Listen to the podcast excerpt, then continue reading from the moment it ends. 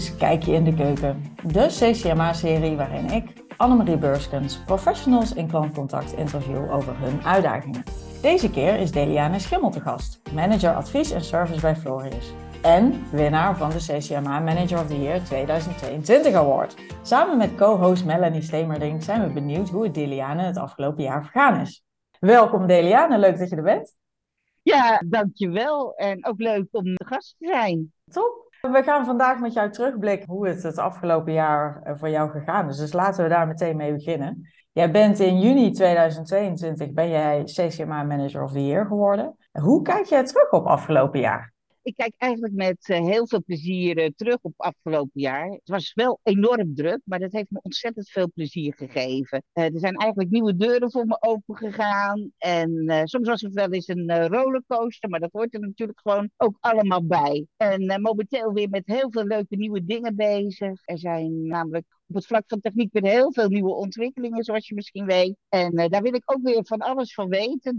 Nou, dan is het mooi dat je manager of the year bent geworden. Want doordat er veel deuren voor je open zijn gegaan, kun je ook weer overal uh, je informatie vandaan halen. Klinkt goed. ja, en Deliane, veel mensen vragen zich af, wat houdt het nou eigenlijk in om manager of the year te zijn? Kun je vertellen hoe dat voor jou was? Voor mij was het echt de kerst op de taart. Het is een prijs die je niet zomaar krijgt en je moet er echt wel wat voor doen. Dat wordt ook getoetst door eh, een jury. Nou, die zijn echt best wel pittig, kan ik zeggen. Ze komen namelijk bij je op kantoor en kijken hoe het ruilt en zeilt bij je. Nou, daarnaast toetsen ze op diverse momenten in het traject hoe het met je vaardigheden staat. Er zijn ook verschillende activiteiten waar je aan moet deelnemen. Bijvoorbeeld uh, discussiëren naar aanleiding van stellingen, vragen beantwoorden op je vakgebied, pitchen waarom jij de manager of the year zou uh, moeten zijn. Dat geeft het eigenlijk allemaal wel meerwaarde. Je krijgt het gewoon niet zomaar cadeau. Je moet er eigenlijk best wel hard voor werken. Ja, en ik ben natuurlijk wel echt super trots dat ik die titel mag dragen. Ja, dat, dat snap ik. En nou ja, geheel terecht ook. Denken wij, als wij uh, gezien hebben ook bij de studiereis, hè, wat jij allemaal binnen jouw bedrijf samen met jouw team uh, gerealiseerd hebt. Nou, nu staat het nomineren voor uh, Manager of the Year 2023 weer aan de beginavond. Hè. We gaan weer ja. starten daarmee. Nou, je hebt al iets uitgelegd over waarom het mee, mooi is om mee te doen aan dit traject. Wat heeft het jou persoonlijk gebracht? Nou ja, als je kijkt naar dat hele traject, dan vind ik het een mooi en bijzonder traject. Dat komt voornamelijk omdat je dit aangaat met collega's vanuit de branche. Ik vind dat het traject ook een extra tintje krijgt, omdat je genomineerd moet worden door je medewerker. Dat vind ik toch eigenlijk best het allergrootste compliment. Dat een medewerker trots op je is en je voordraagt. Ja, hoe mooi is dat? Fantastisch. Ja, wat, ja, toch? Dat vind ik zeker. En uh, wat heeft het mij dan gebracht? Eigenlijk best wel een heleboel. Je wordt eigenlijk wel uit je comfortzone gehaald, gaat eigenlijk met nieuwe zaken weer aan de gang. Bijvoorbeeld zit ik te denken aan het feit dat ik nooit zo heel erg uh, blij was als ik ergens iets moest presenteren. En zeker niet op een congres of zo spreken. Ik vond dat ik daar niet de juiste kwaliteiten voor had. Inmiddels heb ik al op diverse congressen gesproken. En ik word dan nog weer teruggevraagd. Dus ik moet iets goed doen. en uh, zo zie je maar dat je eigenlijk allemaal dat duwtje eigenlijk nodig hebt. Ja, wat mooi om te horen en ook goed om te weten dat iedereen zich dan ook persoonlijk uh, kan ontwikkelen. En nu ook deze podcast. Zeker, ja. zeker. Ja. Daar sta je niet van tevoren bij stil. Jezelf ook gaat ontwikkelen. Ik had echt van tevoren het idee, uh, we gaan ervoor. Eens kijken wat je hebt gedaan. Klaar, vink ik merk echt dat ik zelf toch een hele tijd uh, op de automatische piloot heb gewerkt. En dat je nu toch weer anders tegen je werk aankijkt en zelf weer aan de gang gaat. Ja, dus het brengt jou eigenlijk ook weer verder, zeg je? Ja, het brengt me eigenlijk verder. Inderdaad. Uh, je kijkt zelf naar van waar sta ik nu? Waar zou ik nog aan kunnen werken? In plaats van maar doorgaan met wat je altijd al deed. Wat mooi dat het jou uh, dat gebracht heeft. Ja. ja, een van de redenen waarom dat jij gewonnen hebt, is dat je een authentieke manager bent. Je bedenkt samen met je team de stappen om uh, je doelen te halen. En vervolgens breng je ze ook samen met je team tot executie. Hoe ga je daarmee verder de komende jaar? Voor mij is het eigenlijk een ongoing proces. We hebben natuurlijk geïnvesteerd in de ontwikkeling van medewerkers, zodat ze hun talenten ontdekken, maar ook deze talenten kunnen inzetten. Dat maakt natuurlijk dat ze veel meer energie uh, van hun werk krijgen en zich ook veel meer verbonden voelen met de organisatie. Dat gaat natuurlijk veel verder dan eenmalig traject of een training. Dit is eigenlijk nooit klaar. Het blijft continu aan de gang. Je hebt nog wel genoeg werk te verzetten de komende tijd. Absoluut, absoluut. Ja, een van de dingen die mij ook opviel tijdens de studiereis, toen we zeg maar alle finalisten bezochten, en waar we ook Florius bezocht hebben, is de mate van zelforganiserendheid uh, van jouw klantenservice. En wat dat eigenlijk inhoudt, in ieder geval bij jullie, is dat uh, de medewerkers zelf uh, aan de hand van kaders de doelstellingen bedenken hoe ze die gaan halen. En ook wat daarvoor nodig is. Hoe heb je dat voor elkaar gekregen? Eigenlijk door ze actief te laten deelnemen en een prominente rol te geven in mijn MT. Want je staat eigenlijk versteld waar medewerkers mee komen qua oplossingen als er een probleem is.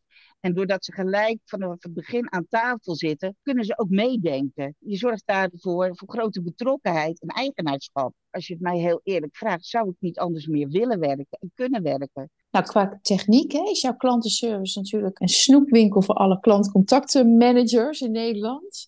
Je hebt real-time eh, speech analytics ingericht, automated quality monitoring. Welke vervolgstappen qua techniek staan er op de planning bij Florius? We zijn uh, momenteel bezig met een groot uh, project rondom data. We zitten eigenlijk een beetje in de afrondende fase. Bij dit project koppelen we eigenlijk data vanuit uh, diverse bronnen aan elkaar en brengen die samen in een dashboard in Power BI. En dan moet je je voorstellen dat dat inzicht geeft op de klantvraag en of die first time right is afgehandeld. Maar ook om welke klantgroepen dit gaat, om welke leeftijden van klanten, welke medewerker een, vraag, een klant vraagt beter of makkelijker beantwoord dan de ander. Van alles kun je daar terugvinden. Dit is trouwens ook openbaar voor medewerkers, zodat ze daar ook van elkaar kunnen leren. De volgende stap is nu hebben we dit in Power BI staan, maar het zou nog mooier zijn als je al die informatie kunt koppelen met je kennisdatabase. Zodat je proactief uh, medewerkers kunt ondersteunen, maar ook klanten kunt ondersteunen. Dat wordt de volgende stap. Wellicht dat wij nog een keer zonder het Manager of the Year traject nog een keer bij jou mogen bezoeken, Floris. Heel graag, heel leuk. Welkom. Fijn om te horen. En uh, ja, je bent natuurlijk niet voor niets Manager of the Year geworden 2022. Maar waar ligt jouw eigen stip aan de horizon? Welke ambities heb jij nog voor jezelf, maar ook voor je afdeling? Ja, dat vind ik een lastige vraag. Dan laat ik eerst dan beginnen met de afdeling. We zijn een expertisecentrum en ik zou het ook echt heel erg mooi vinden dat de kennis en kunde van medewerkers niet alleen gebruikt wordt op de afdeling of binnen Florius, maar verder in de organisatie. Dus als er projecten zijn, dat die medewerkers ook uh, hun inbreng kunnen hebben. En dat zou heel mooi zijn. Dus het wordt vaak nu nog beperkt tot adviesservice en Florius. Maar het zou voor medewerkers ook heel mooi zijn om dat ergens anders te brengen. En dat maakt ook je positie als afdeling, denk ik, ook anders binnen de organisatie. Ja, voor mezelf vind ik het wat lastiger. Ik heb een onwijs leuke baan en ik heb hartstikke veel vrijheid in die baan. Maar als je het me zou vragen, ja, wat zou ik dan nog meer willen? En wat ik wel echt leuk zou vinden om mijn ervaringen te delen met andere bedrijven. Ik geloof er echt in dat wij als branche nog stappen kunnen zetten als het gaat om vertrouwen. En uh, vertrouwen hebben in medewerkers. En dat dat niet eng is. En dat je dat gewoon maar eens een keertje moet gaan proberen om dat te doen. Als ik daar een rol in zou kunnen spelen, dan zou ik dat heel graag willen doen. En dat doel je met name op die zelforganiserendheid? Of? Beide. Ik denk dat het gaat over zelforganiserende teams maar ik denk dat het ook gaat over jezelf als leidinggevende. Dat je jezelf kwetsbaar durft op te stellen. Dat je gewoon ook laat zien dat je niet alwetend bent. Uh, en dat je ook echt oprecht nieuwsgierig bent naar wat een ander te bieden heeft. Je ziet echt dat wij gewoon als organisaties toch vaak in een callcenter ons vasthouden aan service levels. En dan denk ik, waarom? Waarom doe je dat? Heb je dan niet het vertrouwen in die medewerker dat die medewerker zelf die klant niet lang wil laten wachten. Kijk jij dan binnen Florius niet naar service levels? Of hoe pak jij dat aan qua KPI's? Nee, service levels vind ik niet, belangrijker, niet belangrijk. Ik vind het eigenlijk het belangrijkste dat de klant goed geholpen wordt. En ik vertrouw er echt in dat medewerkers zo dusdanig gemotiveerd zijn dat ze die klant ook graag willen helpen. En die laten die klant echt niet in de wacht staan als dat niet nodig is. Andere mindset. Het is echt een andere mindset. ja. ja. Jij legt de verantwoordelijkheid neer bij de medewerkers, bij de teams, binnen de kaders om zelf die klant zo goed mogelijk te helpen en de doelstellingen te Ja. halen. ik zeg altijd maar zo, ik ben echt enorm verrast toen ik dat heb gedaan. En vroeger was ik ook van de cijfertjes en de, de borden op de afdeling en noem maar op. Toen ik dat heb losgelaten, zag je dat medewerkers zich veel verantwoordelijker gingen eh, gedragen. Veel meer eigenaarschap namen. En Ja. en dat is gewoon hartstikke mooi. En dan de grootste verbazing was dus uiteindelijk dat we geen wachterijen hadden. Dat medewerkers veel meer geneigd zijn om dat stapje harder te zetten. Ja. Want ze voelen zich Ja. serieus genomen. Wat zijn dan voor, voor Floris en voor jou de KPI's waar je op let? Of heb je alle, alle cijfertjes losgelaten? Nou, waar ik op eh, let is dus first time right. Dat vind ik heel belangrijk. Ik vind het gewoon vervelend dat een klant niet in één keer zijn antwoord kan vinden of krijgt aan de telefoon. Dus dat is wel iets waar ik heel erg op stuur. Om te kijken waar wij nog het proces kunnen verbeteren. Waar we eventueel het proces misschien wat makkelijker voor klanten zouden kunnen maken. Dat vind ik belangrijk. Kwaliteit aan zich, dat is ook iets waar ik op stuur. De KPI's die we hebben zijn alleen nog maar kwalitatieve KPI's. En geen kwantitatieve KPI's. Die heb ik het raam uitgegooid. Als ieder bedrijf het zo zou doen, dan zou de wereld er heel anders uitzien in de klantcontact. Het maakt je werk ook leuker, ook als leidinggevende. Denk je dat dit voor ieder bedrijf past? Of zie je ook bedrijven waarvan je denkt, ja, daar is dit misschien minder geschikt voor? Ik denk dat het bij elk bedrijf past. Het is alleen zo dat je het gesprek aan moet gaan met je directie. Natuurlijk, hè, ik werk in een bankaire omgeving. Nou, daar zijn ze dol op cijfertjes. Maar als je ze kunt vertellen wat dit ook oplevert. En als je ook de resultaten kunt laten zien bij een eh, directie.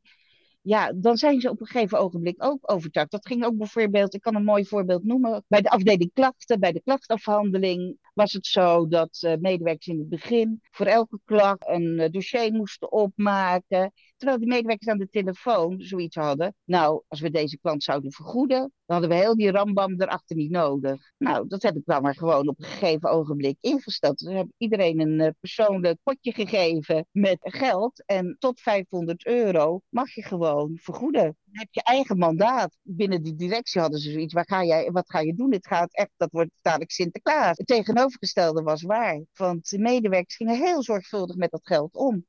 En we hebben dus het eerste jaar veel minder uitbetaald dan dat we al die jaren daarvoor hebben gedaan. En dat maakt, doordat je zo'n testcase laat zien, dat directieleden er anders naar gaan kijken. En zo langzamerhand bouw je dat vertrouwen ook op. Nou ja, dat is zeker ook denk ik een verdienste eh, van jou als manager. Ja, we doen het met elkaar. Hè. Eh, Uiteindelijk, als manager kan ik alleen eh, de boel faciliteren en die, die verbinding maken met. Ik denk als je dat doet en ook gewoon eens buiten de lijntjes gaat kleuren. Ik zeg altijd maar zo, je kan maar beter achteraf een keertje sorry zeggen. Ja, ja, ja dat, is, eh, dat is absoluut waar. En je hebt het eh, even over de buiten de lijntjes kleuren. Jij mag natuurlijk deze periode, deze verkiezing voor 2023 ook eh, in de jury zitten. Ja, hartstikke leuk. Ik vind het Ja, eigenlijk hoe- best wel jammer dat ik dat alleen maar één jaar mag doen. Maar ja, dat terzijde.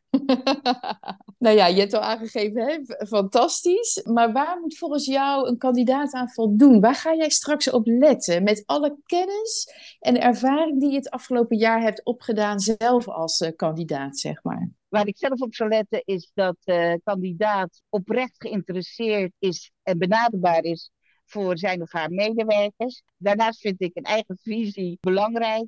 Van waar wil ik eh, staan met mijn afdeling binnen nu en drie jaar. Uiteindelijk ook nog wel een heleboel andere zaken natuurlijk, maar die ga ik hier niet verklappen. Ja, ook hij. nee, dat Slim. snappen wij, dat snappen wij. Nou, dan weten ze in ieder geval al een beetje waar ze rekening eh, mee moeten houden en waar ze op kunnen letten. Ja, En de rest blijft dan nog even geheim. dat moet zeker eventjes. Er moet wel een element van spanning in blijven zitten, toch? Zeker. Ja, helemaal mee eens, mee eens. Heb je dat zelf ook zo ervaren in jouw eh, traject? Dat er een element van spanning in zat? Ja, Van zeker god, wel. waar, waar, waar eh, beoordelen ze mij nou op? Of waar kijken ze naar? Ja, eh, ik ben er eigenlijk gewoon helemaal blanco ingegaan. Ik dacht, ja, weet je, eh, ik ben zoals ik ben. Was ik niet in het plaatje, dan is dat nou eenmaal maar zo. Maar gaandeweg ging ik nog wel... Ja, weet je, je, gaat, je wilt toch eh, iets bewijzen. Op een of andere manier is, werkt dat toch zo. Je bent natuurlijk ook trots op wat je doet. En dat wil je dan allemaal laten zien. ik vond het best wel spannend, maar ik ben er wel open en transparant ingegaan. Ik dacht, ja, wat is nou het ergste wat me kan gebeuren? Ik ben wie ik ben en ja, als dat niet bevalt, ja, dan, dan is het maar zo. Wat ik voornamelijk ook wel spannend vond, is bijvoorbeeld zaken die je dan eh, te doen krijgt. Bijvoorbeeld uh, het discussiëren naar aanleiding van stellingen. Ik weet wel dat ik dat echt pittig vond, maar wel heel erg goed. Want na afloop, dan denk je, wauw, dit heb ik toch wel weer eventjes lekker gedaan. En als ik daarop terugkijk, dan, kijk, dan waren dat eigenlijk toch wel elementen waarbij ik zelf ook heel erg sterk het gevoel had, ik heb er echt goed voor moeten doen. Net zoals dat pitchen en de vragen beantwoorden van allerlei kanten vanuit het publiek. Ook dat was pittig, maar het maakt wel dat achteraf, als je erop terugkijkt, dan denk je, ja, ik heb ervoor moeten werken. Het is me niet komen aanwaaien. Ja, het is je niet zomaar in de schoot geworpen. Nee. En dat is toch vaak met sommige prijzen die je krijgt, dan denk je, ja, nou ja, ik heb het gehad, leuk. Maar hier heb ik echt het gevoel van, nou, ik heb er echt voor moeten werken. Met meer dan trots ben je ook de winnaar, eh, de winnares geworden afgelopen jaar. Ja. En het waren natuurlijk niet alleen de verdiensten uh, tijdens het traject, maar met name ook daarvoor. Van hoe heb jij als manager jouw klantenservice eh, afdeling ingericht en hoe ga je daarmee om met je medewerkers, maar ook qua techniek. Dat is natuurlijk die combinatie geweest. Ja, wat, je, wat maakte dat jij er zo uitsprong? Ja, dat was ook leuk om te horen. Ik heb gewoon een paar dagen haast niet kunnen zitten op mijn stoel. Want uh, ik was echt aan het zweven. Want ik heb, het is toch wel leuk dat je voor alles wat je hebt gedaan zoveel complimenten krijgt. Ja, dat maakt ook, ja, wat ik net al zei, de kers op de taart is dat ook echt. Voor al die jaren hard werken komt dat allemaal samen. En ook, het stopt natuurlijk niet alleen bij zo'n award. Nee, hè, ook binnen het bedrijf werkt dat door. Als ik dan kijk wat het heeft betekend voor de klantenservice binnen Floris, maar ook voor heel ABN AMRO, dat collega's ook anders weer zijn gaan kijken naar het contactcenter. En dat is toch best wel vreemd, want je zit daar jaren. Maar doordat ze al die uh, communicatie zagen en gingen ze zich toch weer eens verdiepen en gingen ze toch ook weer eens even nakijken wat er allemaal gebeurt. Ook in huis gebeurt er dus van alles. En komt er ook weer een dynamiek op gang. Ja, dus Zij, zij dachten misschien, oh, dit is gewoon normaal, dit is de klantservice, dat loopt lekker. En vervolgens worden ze door alle communicatie, media en dergelijke, en doordat jij gewonnen hebt natuurlijk, ja. erop gewezen, oh, maar dat is wel eigenlijk wel heel speciaal wat we doen bij Florius. Ja. En ja, daar zijn we net een, eh, een stapje verder en dat gaat wel heel erg goed. Dus het heeft ook wel een hoop gebracht binnen je eigen bedrijf. Ja, absoluut. Dat is natuurlijk ook super gaaf. Dat ik van tevoren nooit kunnen bedenken hoor. En we begonnen deze podcast met dat het nomineren voor dit jaar eh, van start is gegaan. Het nomineren voor Manager of the Year 2023. Wat wil jij kandidaten of genomineerden meegeven vanuit jouw ervaring? Best wel heel simpel. Wees gewoon jezelf en geniet van het proces. Nou, dat lijkt me een hele mooie afsluiter. Dankjewel. Jij bedankt Eliane. Fijn dat je een update wilde geven over hoe het het afgelopen jaar vergaan is. En ik ben het wel eens met Melanie dat het leuk is om uh, wellicht over een jaar of twee jaar weer eens een kijkje in de keuken te doen. Om te kijken hoe het er dan voor staat bij Florius en welke mooie dingen dat je dan ontwikkeld hebt of waar je dan mee bezig bent. Nou, jullie zijn van harte welkom. Nou, hartstikke Dank je wel.